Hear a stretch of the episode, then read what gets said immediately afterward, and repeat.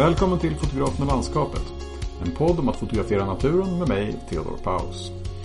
Det här är avsnitt 34 och idag lyfter vi från marken när vi träffar Tobias Hägg, känd från Instagram som Airpixels. Vi pratar hur man går från att vilja göra nästa Batman-film till att fotografera natur med drönare från flygplan och från luftballong. Vi pratar kreativitet och motivation och tävlingsinstinkt inom foto. Och jag berättar lite om hur det är att fotografera från zeppelinare också. Det här avsnittet är det sista för i år och om du eh, lyssnar när det släpps är det dagen före julafton. God jul på er alla förresten. Det här är ju den tiden på året då många fotografer gör sina listor med årets bästa bilder. Men för egen del har det inte blivit någon sån lista, inte i år heller.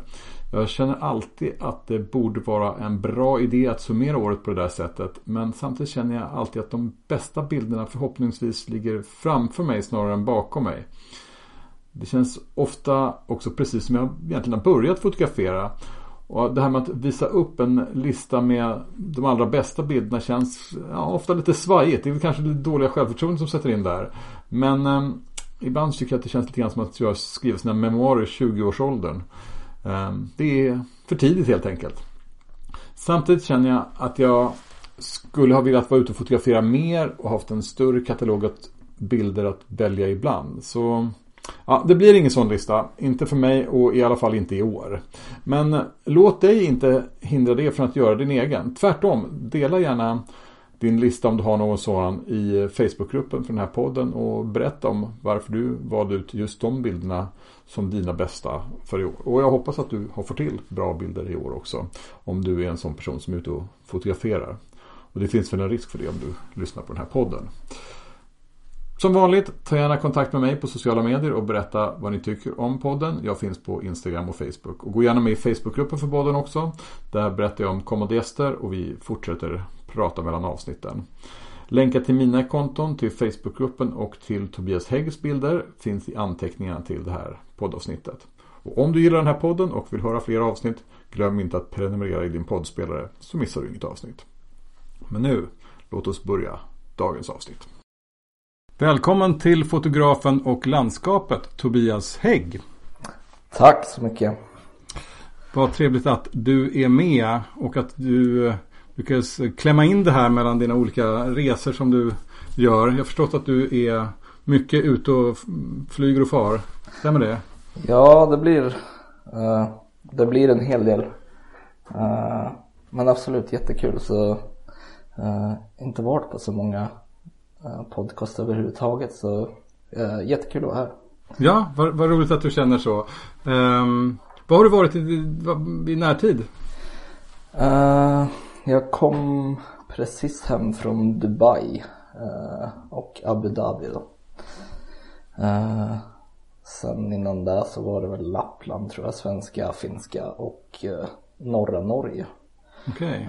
Så det har varit en del nu på kort tid. Så nu hoppas jag att jag får ja, lite lugnt, lite jul. Vara med familjen. Det låter som kontraster liksom, Lappland och Abu Dhabi.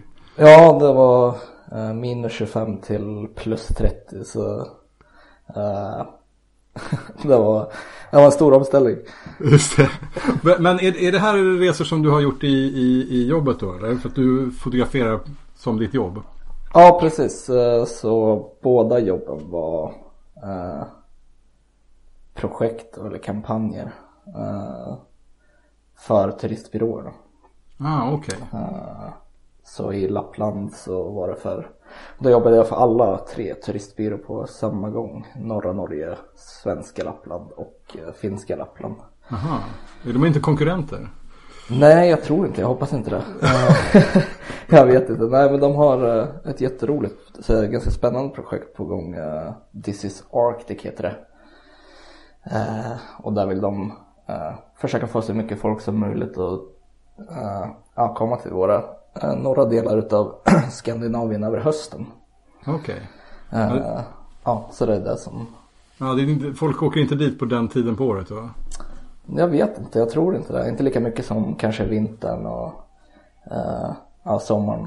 Mm. Uh, så tanken var att vi skulle upp och fot- fota höstfärger men det, eh, det var minus 25 och full vinter så Okej. eh, Ja. vi, kom, vi kom lite sent.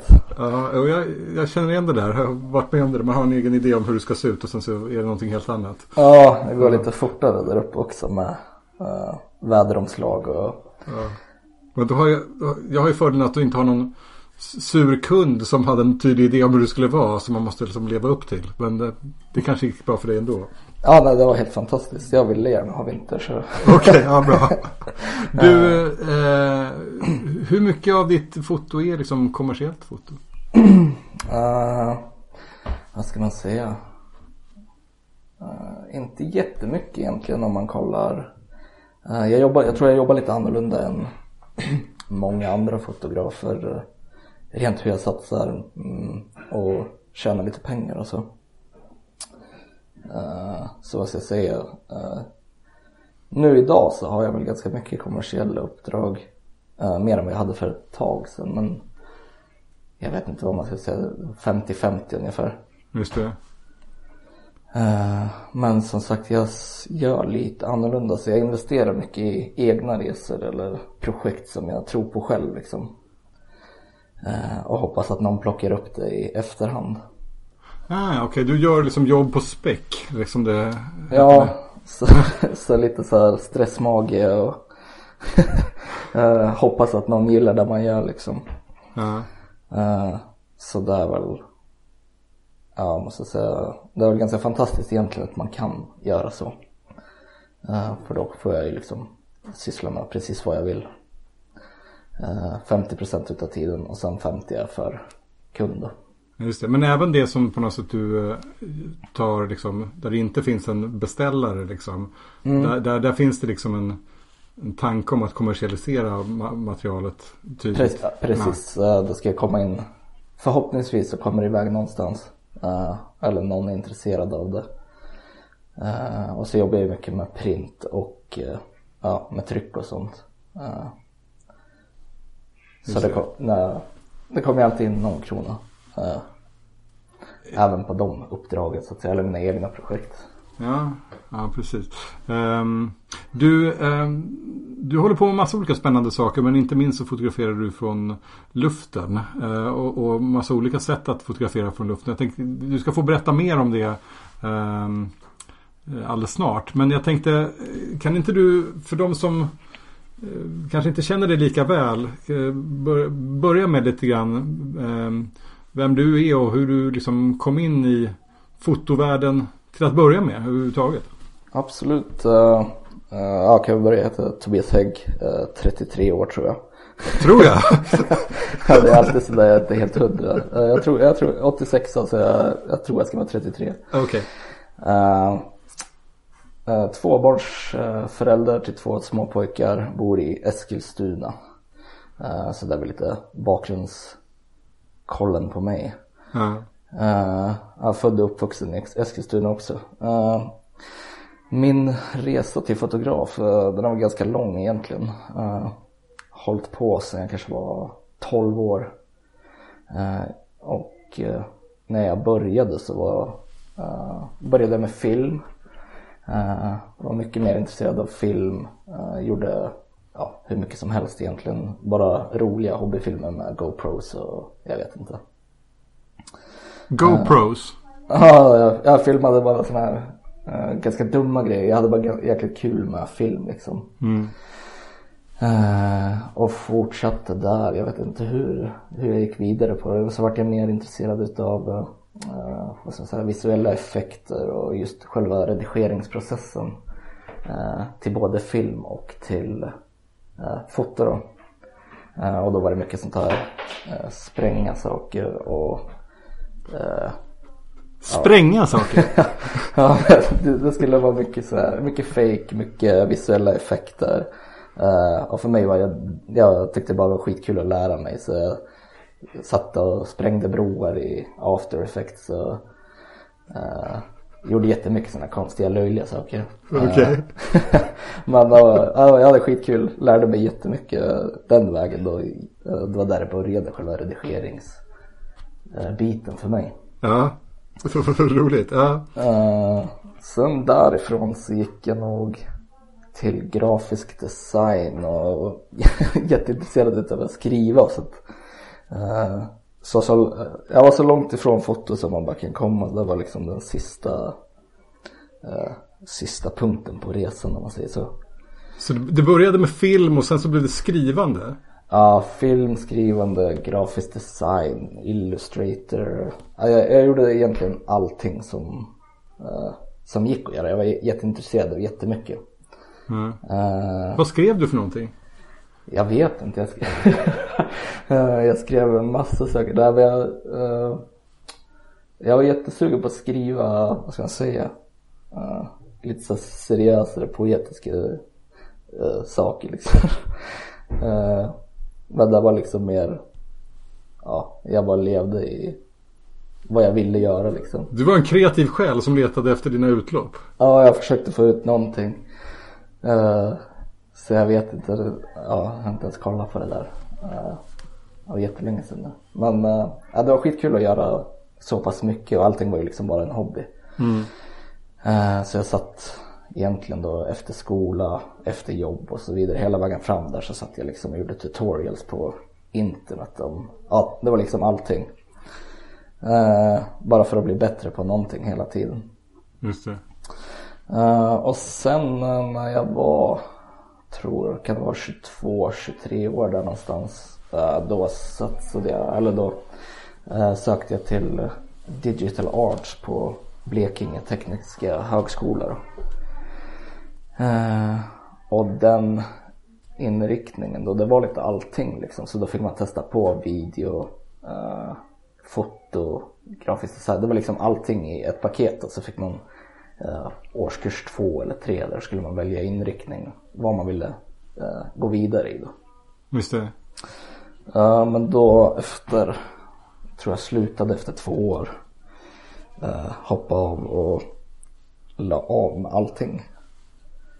Okej. Okay. Uh, så det var liksom, mitt tåg hade gått där någonstans. Varför det? Uh, jag vet inte, det var liksom, jag kom ingenstans med det jag ville göra. Och, uh, jag hade kul liksom men det gav liksom ingenting. Uh, ja, det var jättetidskrävande liksom. Höll alla på med sån här concept art där? Uh, nej, det var liksom allt möjligt som höll på. Eller det, det fanns allting liksom. Det var dataspel, det var Ja. Uh, ja, precis allting. Uh, ja, sen där. Men du fick lite dåligt självförtroende där eller? Nej, ja, dels det. Ja, dels det liksom. Man kom ingenstans och jag var på den tiden också. Jag, jag visade liksom ingenting av det jag hade gjort. Gjorde jag en film liksom så det var bara jag som såg den. Okay. Uh, så jag hade jättedåligt, uh, uh, vad, vad heter det? Uh, ja men jättedåligt självförtroende. Jag vågade liksom visa och en dålig kommentar eller om någon sa någonting så skulle jag gräva ner mig liksom. All right. Uh, men så la jag ner uh, helt, uh, började jobba som något helt annat, så gick in i, eller fortsatte inom typ byggbranschen där jag hade jobbat tidigare då. och sen kom drönaren. sen kom drönaren? sen kom drönaren. och det här måste vara, jag tror det är två år efter jag hade lagt ner precis allting då. Och själva flygfotograferingen, det, liksom, det har alltid varit en dröm för mig uh, sen början. Jag ville göra typ, uh, uh, jag kommer ihåg att jag tänkte jag ville göra helikopterflygningar, mest video då. typ filma nästa Batman eller någonting riktigt spektakulärt. Ja, nu kommer hissen också. Ja precis, det, du sitter bredvid en hiss, nu är det så? Ja, det är lite tufft där du. Ja, jag tycker alltid det är alltid lite roligt när det finns lite um, liksom um, miljöljud också. Ja, det är det. Jag, jag, hör man lite grann en familj bakom där? Eller någon som pratar också? Ja. Uh, ja det, bara så de vet, de är också med lite grann i bakgrunden. Det är helt okej, okay, men bara så de känner till det. Jag tror det är grannens familj. Min, eh, min skriker bara. Alright, förlåt men låt oss återgå till, N när pratar vi tiden nu här? Uh, nu snackar vi, för jag är 25 år eller något. Uh, ja, så när jag är 25 år så då kommer väl drönaren, nej det måste vara ännu senare, 27 kanske. Det är inte så långt sedan tid sedan. Nej, då är det? Jag är inte helt hundra heller men det var fem sex år sedan drönaren Ja. kom. Kom in i ditt liv. Ja. Eh, så när den kom. uh, så det, har, jag- det, är precis, det är precis som jag sa, det har varit en dröm hela livet att göra flygfotografering. Men för min del så har det inte funkat. Uh, det var helt annan budget på att hyra en helikopter och så det var liksom ingen som riktigt trodde på min fotografering heller som skulle låta mig åka iväg och fly, fota från ett flyg heller.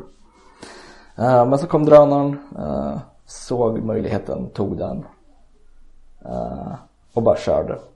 Eh, Och bara fast vi backar lite grann här. Det, när du säger att drönaren kom då. Liksom, det här är ju en teknik som har kommit på de här åren. Du menar att liksom, det var då som det började dyka upp drönare som var tillräckligt precis, billiga då- eller var liksom Ja, den var inte billig då heller. Eh, Den, då var den ganska dyr liksom och speciellt som alltså, privatperson som inte sysslade med foto mer än för hobby så var det en stor utgift.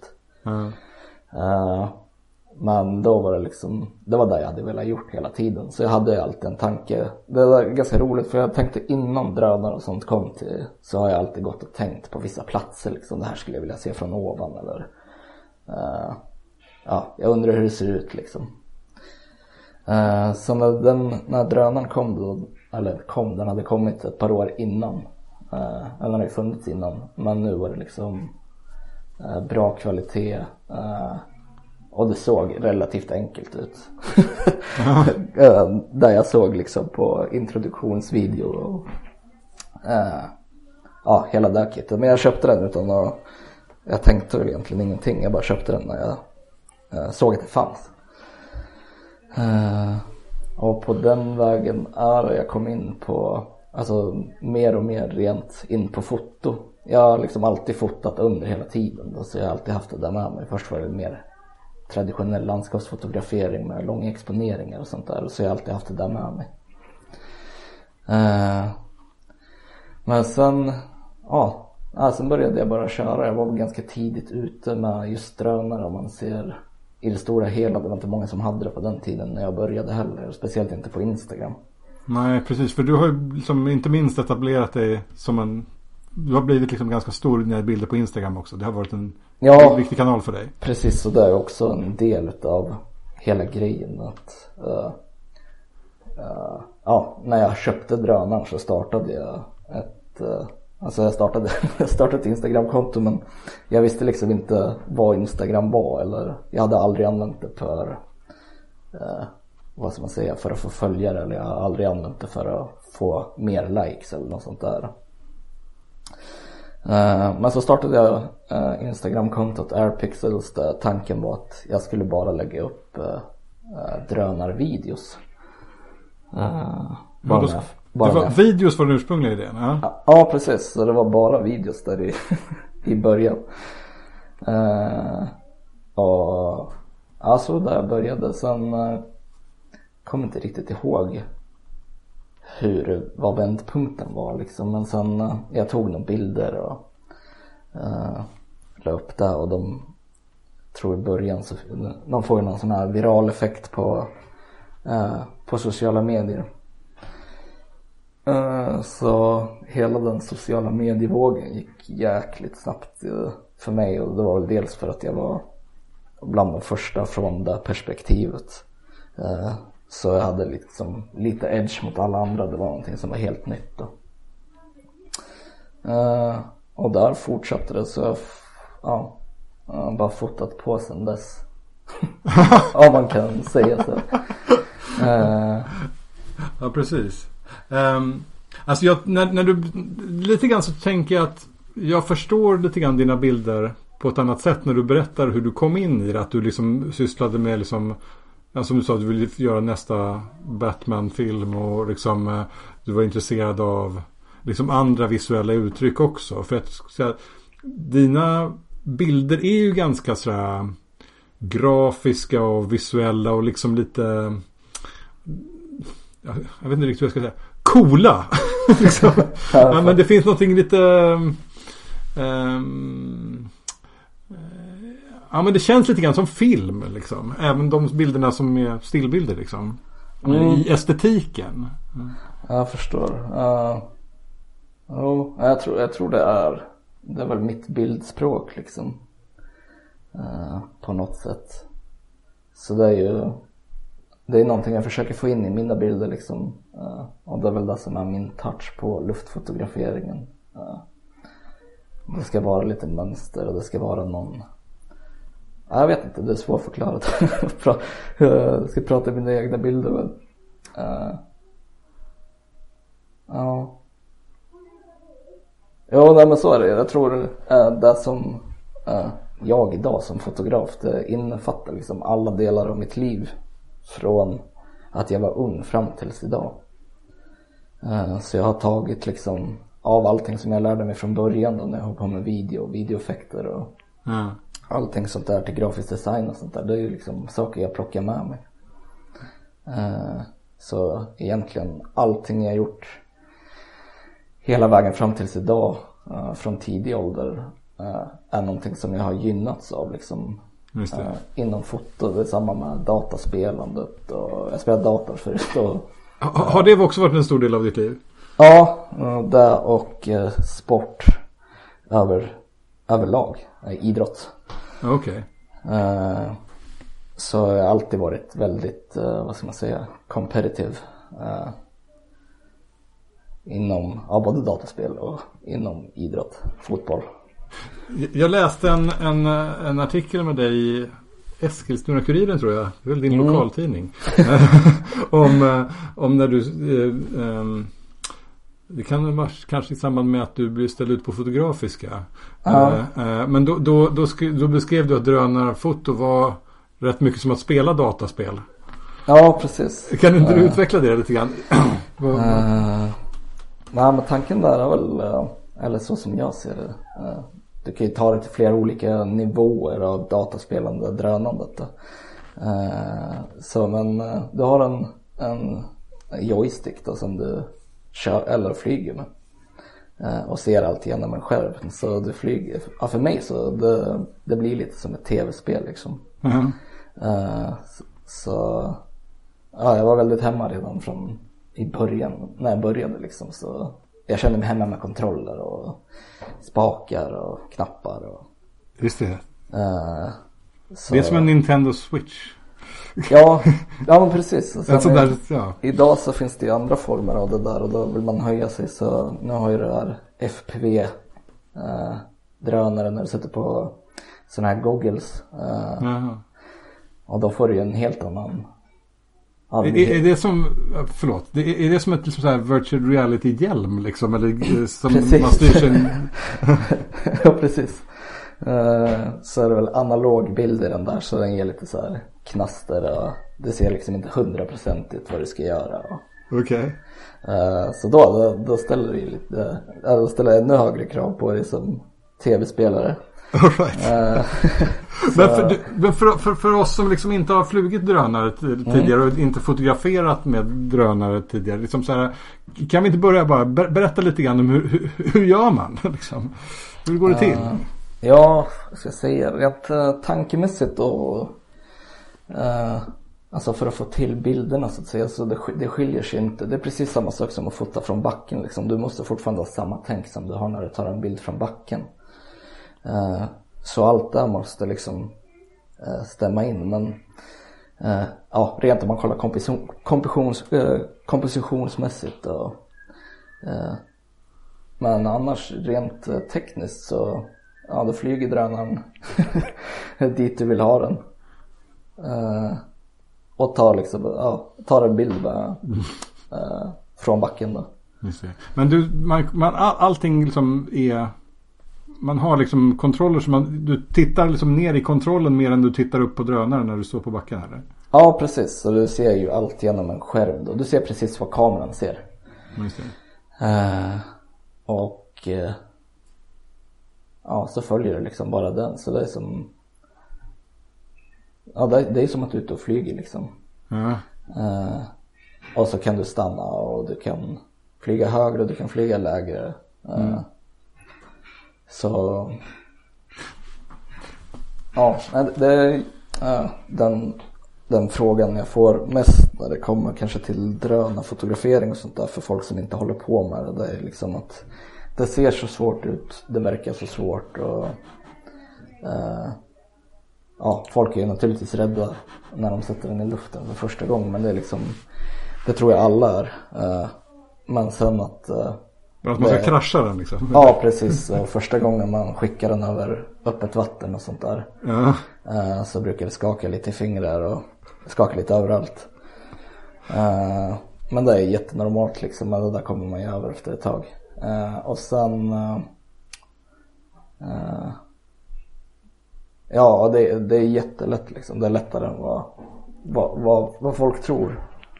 Ja, för det finns ganska mycket liksom mjukvara och så i de där nu. Att man liksom eh, man kan få dem att följa en och liksom de kan hovra och liksom man behöver inte Det är inte liksom som att köra en radiostyrd bil där man liksom måste ha koll på varenda liten eh, felkörning liksom. Eller utan... Nej, det är jättelätt och eh, alltså jag skulle vilja säga att det är nästan svårare att krocka eller förstöra den än vad det är att uh, klara sig liksom.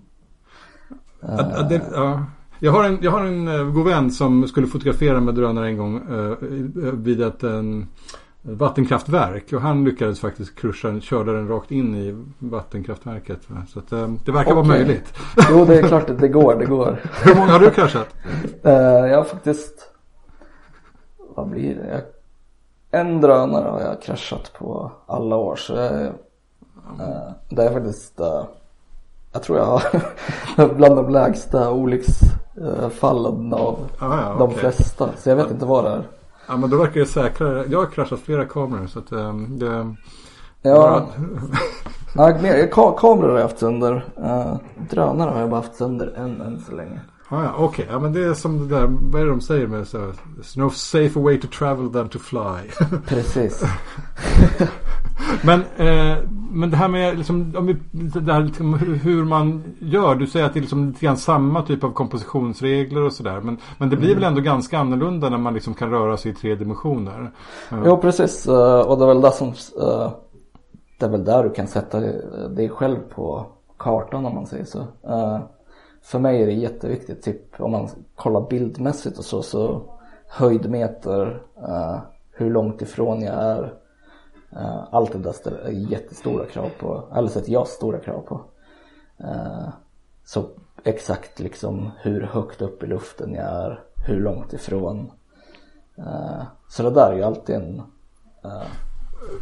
hur menar du att du sätter stora krav på det? Liksom, vad, vad, har du några särskilda regler för hur högt upp du måste vara? Eller liksom, du vill, eller? Nej, inga regler. Det är mer, alltså man ser, när jag ser bilderna som jag vill ta så vet jag jag vet vart jag vill ligga liksom i höjd, jag vet hur nära jag vill vara uh, för att få det som jag vill visa.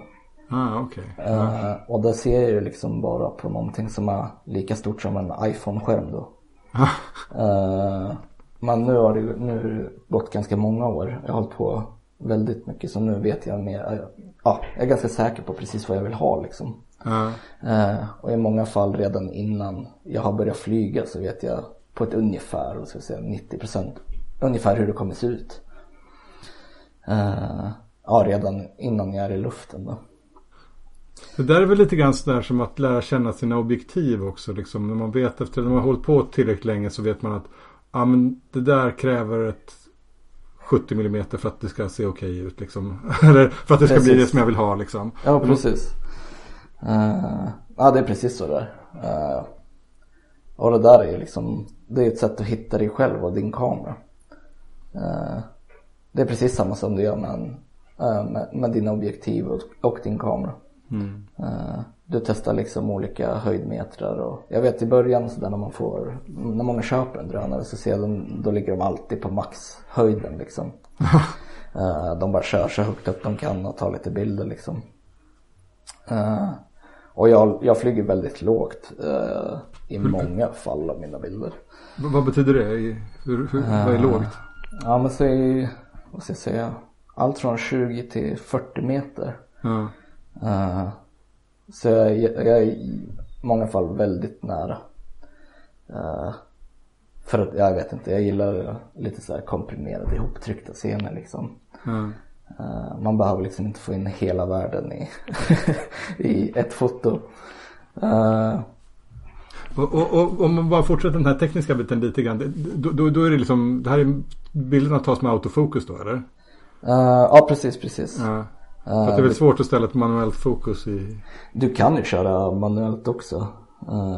men autofokusen funkar, funkar perfekt. Ja. Vad är det som du vill visa? Jag vet inte. jag vill visa, på något sätt så är det ju uh, mig själv jag, vad ska jag säga? Eh, jag vill ju uttrycka mig själv genom mina luftbilder. Mm. Uh, men som sagt varje gång jag fotar så är det någonting helt annorlunda jag fotar så det är väldigt uh, olika miljöskillnader så varje fototillfälle är väldigt annorlunda från det andra. Mm. Uh, men det jag fokuserar på det är väl det är natur, landskap och allt det i min egen stil om man får säga så. Jag är, ganska bred inom eh, min stil är väl ganska bred liksom. Ibland är det jätteminimalistiskt och ibland är det liksom uh, ganska traditionella liksom uh, gammaldags landskap. Uh, mm. Så det där jag, jag, jag går alltid, jag går igenom många faser hela tiden i livet. Ja. Uh, och, och, det ser man på mina bilder. Uh, ja men liksom mörkare perioder, glada perioder. Uh, och rent fototekniskt, ibland då, är det bara så minimalistiska grejer. Det är bara drönargrejer ibland är det bara kameragrejer. Ja. Från backen så. Ja precis. Um, men jag tänker de, de här, uh, de saker, alltså när du gör kommersiella projekt det är väl en sak. Då, då har man ju en beställare som man förhåller sig till och som har synpunkter och sådär. Men Precis. de sakerna som du gör själv.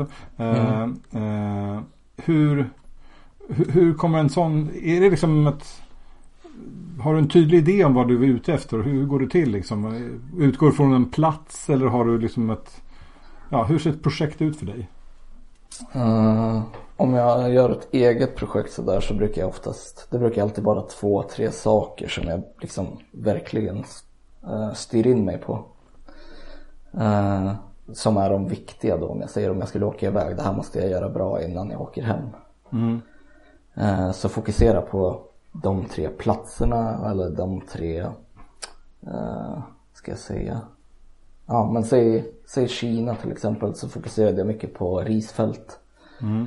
Uh, och för mig var det, det, var, det var jätteviktigt för mig innan jag går därifrån att jag är nöjd och har fått det liksom som jag ville ha innan jag åkte ner med mig. Mm. Uh, så det är liksom så jag fokuserar. Jag fokuserar på tre saker, uh, ibland fyra. Det beror på hur lång resan är liksom, vad jag fokuserar på. Men du åker alltid iväg någonstans och sen så är det, så utgår från platsen liksom eller?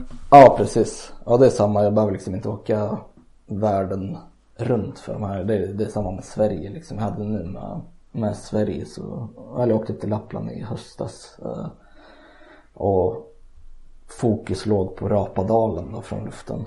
Ja. Eh, och då är det allt det där, jag försöker tajma precis allt så att när jag väl är i luften så ska eh, det vara de bästa förhållandena eh, som möjligen kan ha liksom. Uh, och då är det liksom, man väntar ett par dagar på kanske helikopter. Uh, imorgon ser det bra ut, då kör vi. Uh, så kör vi. Mm. och sen efter det då liksom så varje fotoprojekt där jag egentligen tjänar mest på om man säger rent bild och fotomässigt är att jag faktiskt inte planerar. Alltså hela, hela resan är inte utstuderad. så jag lämnar liksom alltid tid åt vad som än händer liksom eller vad som, vad som är framför mig liksom. Eh, så säg att 40% utav varje projekt är liksom genomstuderat, eh, planerat och klart så resterande 60 är liksom eh, allt beroende på väder. Just det. Och sen bara låta sig, ja vad ska man säga, låta sig tas med av liksom precis allt som händer. Men, men, om man tänker den delen som är liksom förberedd där då. mm. uh, hur, hur, när du förbereder, liksom, gör, är det research på platserna eller är det liksom eh, har du en, hur, hur utstuderat är det som är förberett om man säger?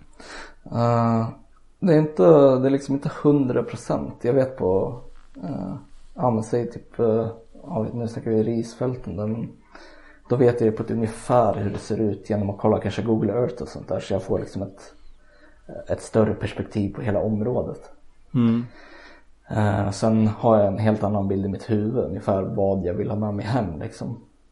Uh, och sen försöker jag liksom bara fixa det under, under ett uh, förhållande. Mm. så som jag vill ha det. Så det, det är ju liksom, ibland kan det ta, ta flera dagar liksom. Mm. så det är ingenting man bara, inte mitt fall, jag åker liksom inte bara fotar av det och åker hem. Men det är en ganska tydlig idé då, liksom så här, vad du vill liksom, ta med dig därifrån. Ja precis, så är det alltid. Så jag vet. Uh, men sen är det ju alltid man, har, man har en tydlig idé av vad man vill liksom, och så blir det något helt annat när man kommer hem ändå för det ser ju alltid lite annorlunda ut. Uh, och ja, det är allt. Det är liksom naturen. Uh, det ställer alltid till det. Så man kan liksom inte ta sig överallt. men Absolut, jag har alltid liksom en klar bild på. Men det är liksom, det är där jag menar när jag har en klar bild så ser jag ungefär, jag vet redan innan jag kommer dit vilken höjd jag vill ligga på och sånt där med drönare. Om jag skulle ha drönare till exempel. Så vet jag typ på ett ungefär hur jag vill att bilderna ska se ut. Innan jag ens har varit på platsen så vet jag ungefär hur jag vill att bilderna ska se ut när jag kommer hem. Just det. Hur kan en sån idé liksom vara? Är, den liksom, är det så att du har bilden klar i huvudet eller är det mer en, är det en idé som du formulerar i ord? Eller hur, hur ser din, uh, hur ja, är din nej, idé? Jag ser dem väl, jag visualiserar väl egentligen bild, de jag liksom är redan inplanerad på, då visualiserar jag på ett ungefär hur jag vill att det ska se ut. Uh, och sen försöker jag liksom bara få till det. Mm. Uh, så där mycket sånt där. Uh, så det är väl där, jag lägger jättemycket krut på sånt där. Det är samma när jag flyger helikopter liksom så jag förbereder mig mentalt. liksom en, en dag innan. Det är liksom som att jag ska gå i, upp i en boxningsmatch eller något sånt där. Okej. Okay. Uh, så jag har alltid varit sådär så det är samma när jag spelade fotboll så dagen innan match liksom då, då var det full fokus. Uh, och jag, jag gör lite samma sak inom fotografering. Uh, du är liksom taggad och adrenalinig liksom när du ska ut och fota? Ja, precis. Jag är inte sådär, jag är inte sådär jumpy av mig liksom. Men jag, jag försöker liksom så att ingenting, jag går igenom jättemånga scenarion. Ja. Uh, så där tror jag, jag vet inte om det är många som gör det. jag, Nej, men jag tror att folk jag, jobbar på väldigt olika sätt. Liksom. Liksom. många gånger liksom, där jag går igenom liksom, det här kan hända och vad gör du då liksom. ja. Du har ett flödesschema men liksom om det här händer då går jag vidare dit, om det här händer då går jag vidare. Ja, ja precis. Så, mm. Ja men där liksom så här, man kan ju, du kan ju aldrig liksom förutspå liksom dimma eller, dimma eller liksom Nej. vad som händer. Uh, så sådär är jag nog. Men det låter som du är ganska resultatorienterad liksom. Så det, det, det, är inte, processen är inte det viktigaste för dig utan det är liksom vad du kommer där, därifrån med. Är det? Ja det är väl alltså helheten. Ja. Tror jag. Allting är viktigt.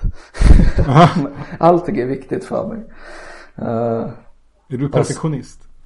Och, ja, jag vet inte. Jag tror det. Ja. Jag antar det. Okej. Okay. Uh, det borde skulle jag säga att jag är. Uh, det är liksom, det är få bilder som kommer ut i jämförelse med vad jag tar om man säger så.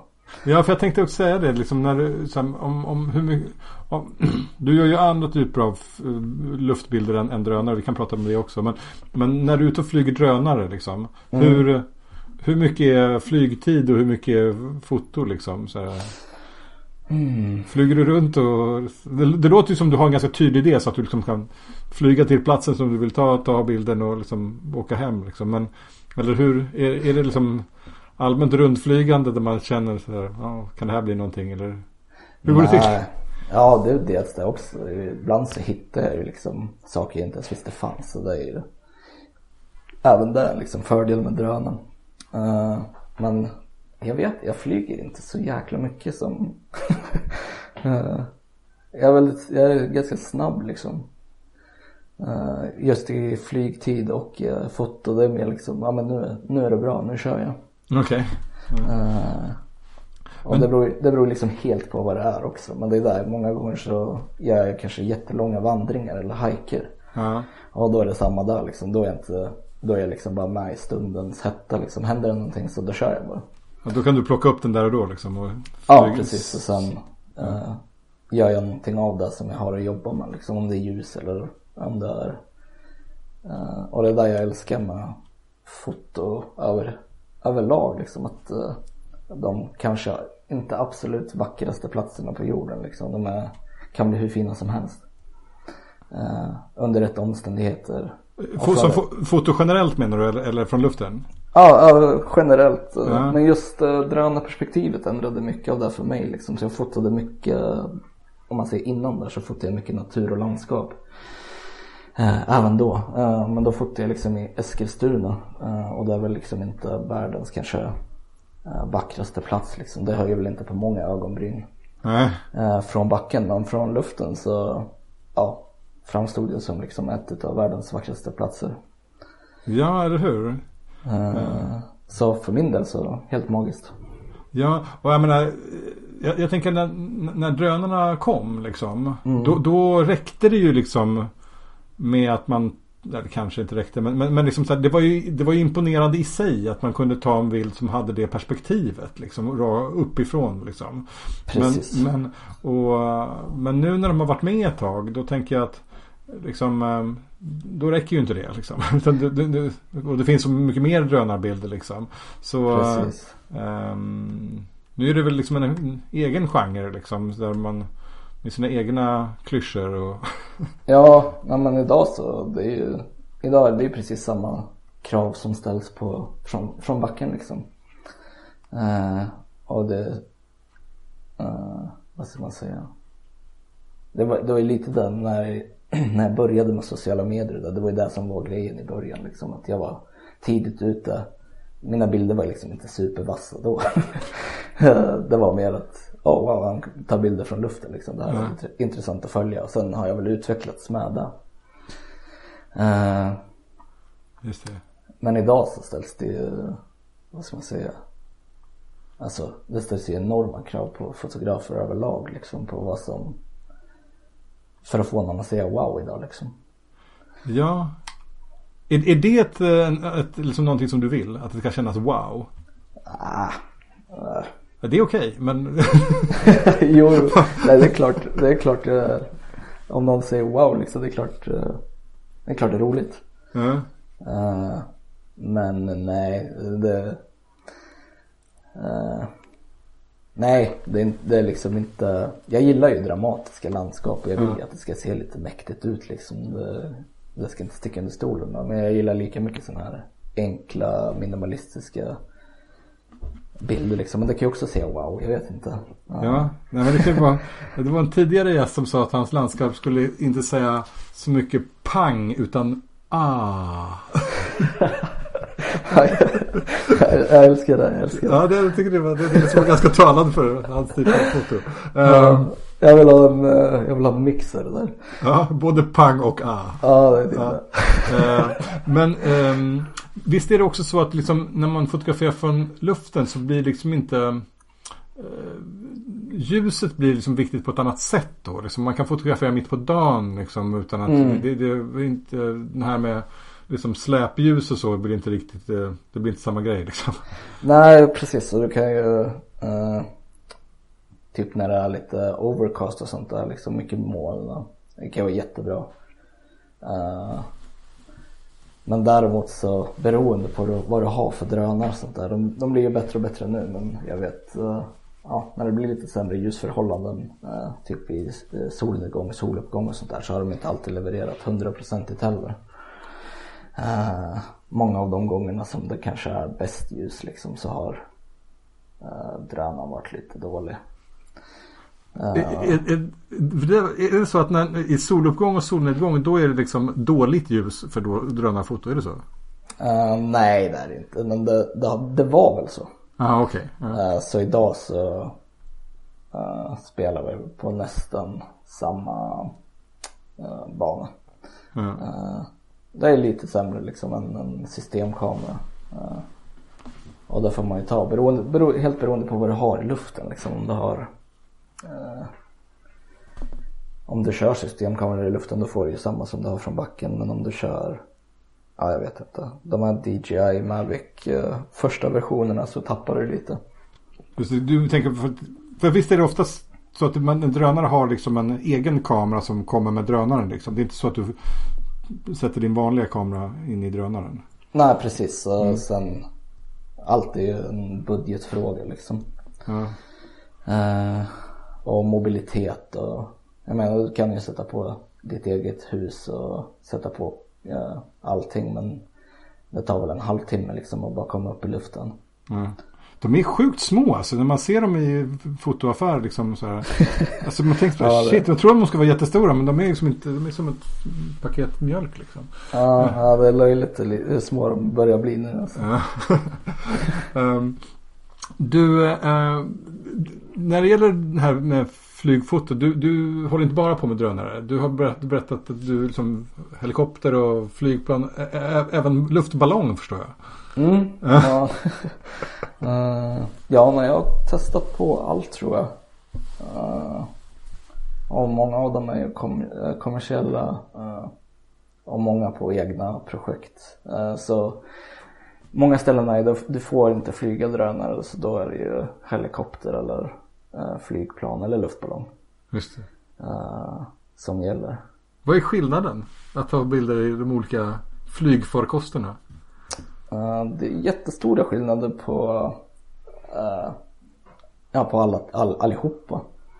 Uh, om man ser i en helikopter och sådär, vad ska jag säga? En heli- I en helikopter, allting går ju ganska snabbt liksom. Så det måste, när du väl när du väl kommer i rätt läge liksom, så, får, så måste du vara med. Men det som är fördelen med helikopter är att du kan ju åka, liksom, du kan åka tillbaka och göra samma grej flera gånger. Mm. Eh, stadigt. Eh, så helikopter är väl det jag tycker är roligast och kanske mest eh, ger mest. Eh, inte så skakigt. Och har du då dörrlöst och ja, kan sitta liksom fritt och ha fritt spelutrymme då är det liksom det är väl det bästa du kan göra liksom i och med att du kan förflytta dig så pass snabbt över stora områden också. Ja.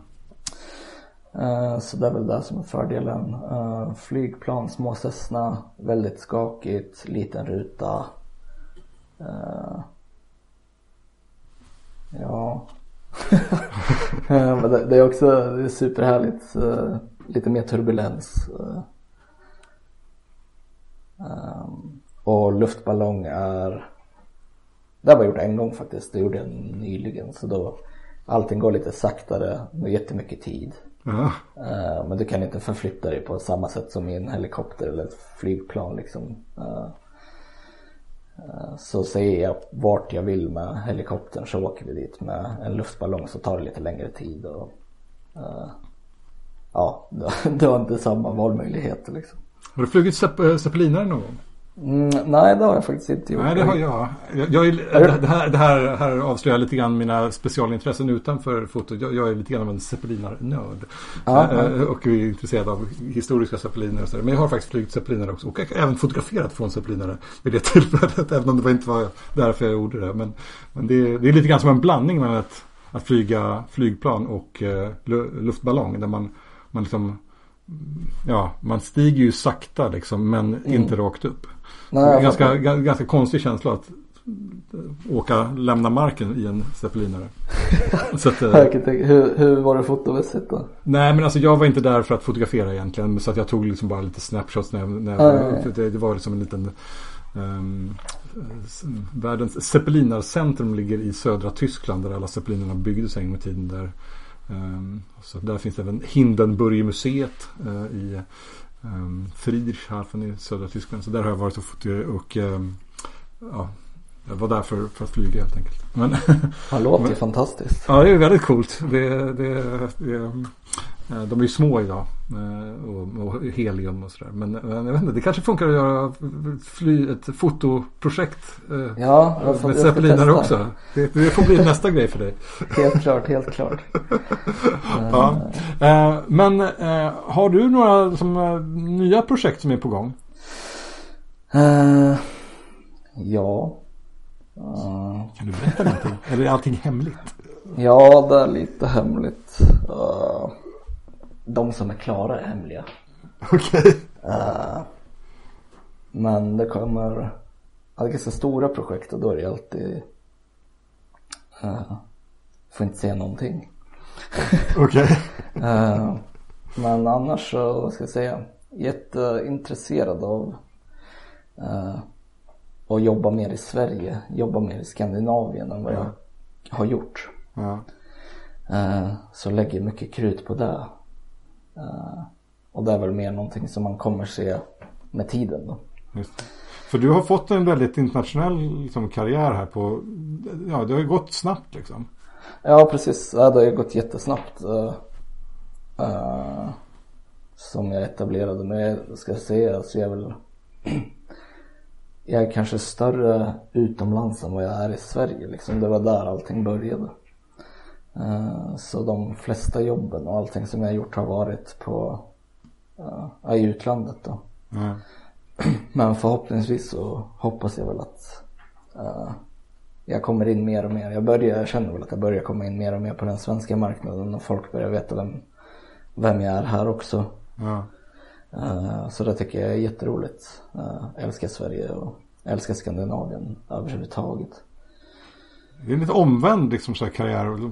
Ofta så börjar, man, ja i och för sig, man blir aldrig liksom, Nej precis, och det var väl alltså, alltså för min del så det började ju liksom med det största, alltså allting jag gjorde i början det var ju liksom större än, ja det kanske är där man har som sina drömmar som, eller jag hade som drömmar som fotograf och jobba med Apple och, ja jag vet inte, de absolut största liksom ja men National Geographic liksom. Ja, och det var, det var där jag började liksom så det var ju också en sån här, eh, alltså det var en liten twist för huvudet liksom.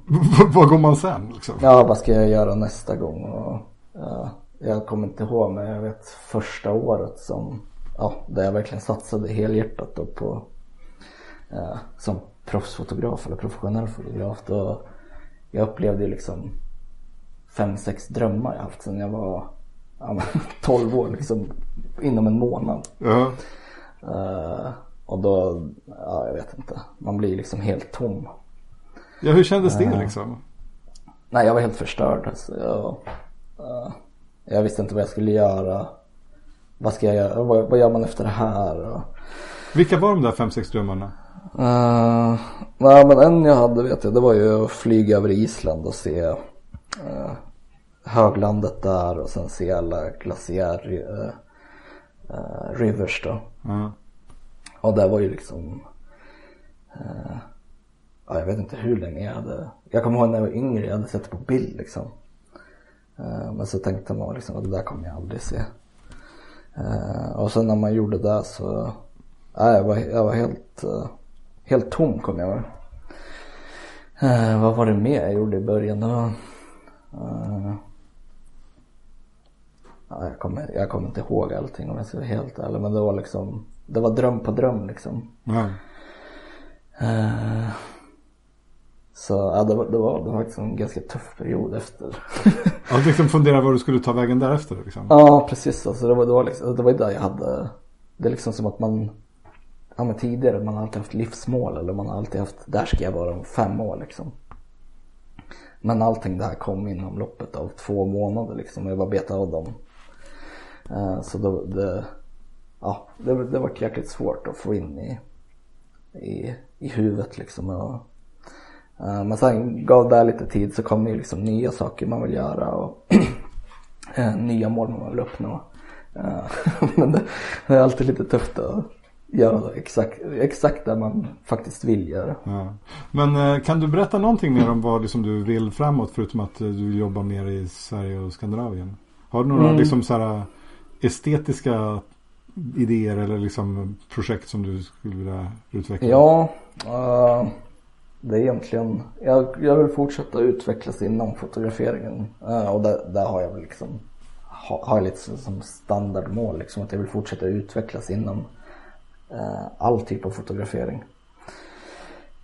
Som jag sysslar med. Men uh, det jag satsar på nu är att jag kommer starta, ja det kan jag ju säga i och för sig, jag kommer börja här nu, jag börjar träna nu Uh, för att köra det här jag pratade lite om tidigare, FPV droning då. Uh, alltså sån där virtual reality hjälms drönarfoto? Ja precis. det kanske inte alls är rätt beskrivning men, men alltså där man har goggles på sig? Ja precis, du, du är som Du är som en fågel i luften. så du kan flyga drönaren på ett ja, helt annorlunda. Du kan spinna, du kan flyga rakt ner, rakt upp. ja, du är helt liksom fri i, i allt. Eh, så målet jag har det är väl att ja, jag ska vara bäst i världen på det inom Ja men så jag, jag gav mig tio år. så jag satte upp ett långt mål där men uh, Ja så det kommer bli Framöver så kommer det bli mycket mer film uh, Och även mycket timelapse som jag höll på med Det var en av mina största passioner tidigare då Och timelapse? Ja. Mm. Uh, så det kommer bli mycket sånt. Men först och främst bli bäst i världen på FPV-droning. Okej, okay. um, ehm, ja men, det, låter, det, det, det, ser vi fram emot att uh, följa din resa uh, mot det.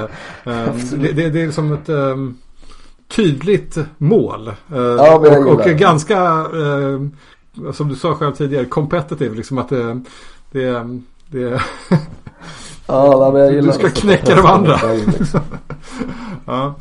Um, du, vi börjar närma oss uh, slutet på det här samtalet. Men jag har några frågor kvar. Och, och, och uh, en är um, om man är intresserad att börja med, med, med, med drönarfoto. Uh, mm. vad är dina bästa tips? Oh. Mm, bästa tipsen är om de har köpt drönare eller om de ska köpa drönare? Nej men jag, jag vet inte, du får det, de, du, det kan vara köptips också. Eller? Ja okay. ja, men eh, alltså just själva luftperspektivet. Det är jätteviktigt att du är ganska nyfiken liksom och väldigt intresserad av att ja, vad ska jag säga, utforska och se världen lite från ett annat eh, perspektiv. Eh, så är du, är du minsta nyfiken liksom så är det bara att köra. Sen, eh, precis som med foto, var ute precis eh, så mycket som du kan, använd grejerna precis så mycket som du kan liksom. Eh, på så sätt blir du bättre. Eh, så ja, ju mer du är ute, ju mer du fotar, ju större är chansen att du faktiskt fångar någonting som är riktigt magiskt liksom. Samt att du börjar hitta dig själv mer med tiden liksom. Ju mer du flyger desto säkrare blir du. både på vem du själv är som luftfotograf och som fotograf. Mm. Uh, ja. jag skulle, det är de tips jag skulle ge liksom. Var nyfiken och kör stenhårt liksom. Ja, det låter som bra tips tycker jag. ja, men det, det, är lite så man gör, tror jag. um, och en sista grej här. Har du några tips på andra fotografer som du tror skulle passa i den här podden? Uh, ja. Uh älskar en kille som heter uh, Linus Englund. Men vad kul för att han ska jag intervjua på lördag. Ja det ser Han är redan på tapeten. Ja. Uh, Okej, okay, jag älskar hans bilder. Uh, och sen vet jag inte, jag kollar lite på en tjej som heter Malin Hanning. Ursäkta? Uh, Malin Hanning. Okej. Okay. Uh, som jag tycker är, ja, jäkligt intressant. Uh, vilken, henne känner inte jag till. Vilken typ av bilder tar hon? Uh, det, är mycket, det är mycket vilda djur och sånt. Uh, Men jag gillar, det har varit mycket på Antarktiska, uh, fota valar, pingviner. Uh, många av de djuren jag inte ser så mycket av. Uh, så nej, uh, ja henne gillar jag. Ja. Uh, se vad vi mer. Egentligen det finns ju hur många som helst. Uh, Några har du redan haft.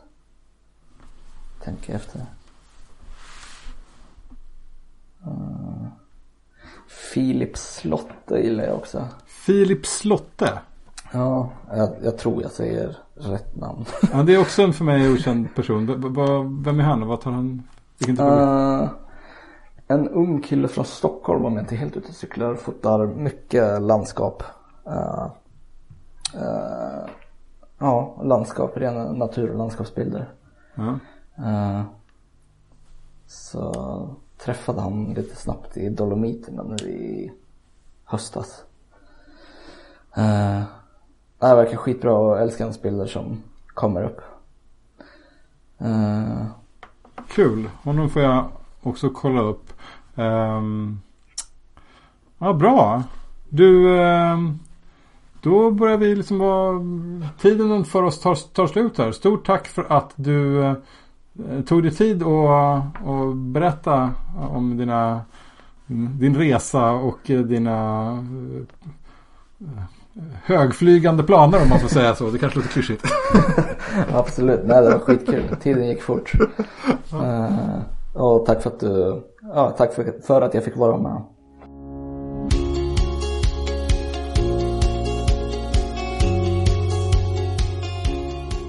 Och tack till dig som lyssnat på detta avsnitt av Fotografen och landskapet. Det här är ju årets sista avsnitt så ett extra stort tack till er som följt podden under året också. Tveka inte att höra av dig om du har tankar och idéer om den här podden. Du hittar länkar till mina konton på Facebook och Instagram i anteckningarna till det här avsnittet. Där hittar du också länkar till Facebookgruppen för podden, länkar till Tobias Häggs bilder och länkar till de fotografer som han tipsade om i slutet av avsnittet. Och om du gillar fotografen i landskapet och vill höra fler avsnitt, glöm inte att prenumerera i din poddspelare så missar du inget avsnitt. Nu är det snart jul och eh, jag hoppas ni får lite trevlig julledighet. Fotografen och landskapet tar dock inte något uppehåll utan vi ses igen som vanligt om två veckor.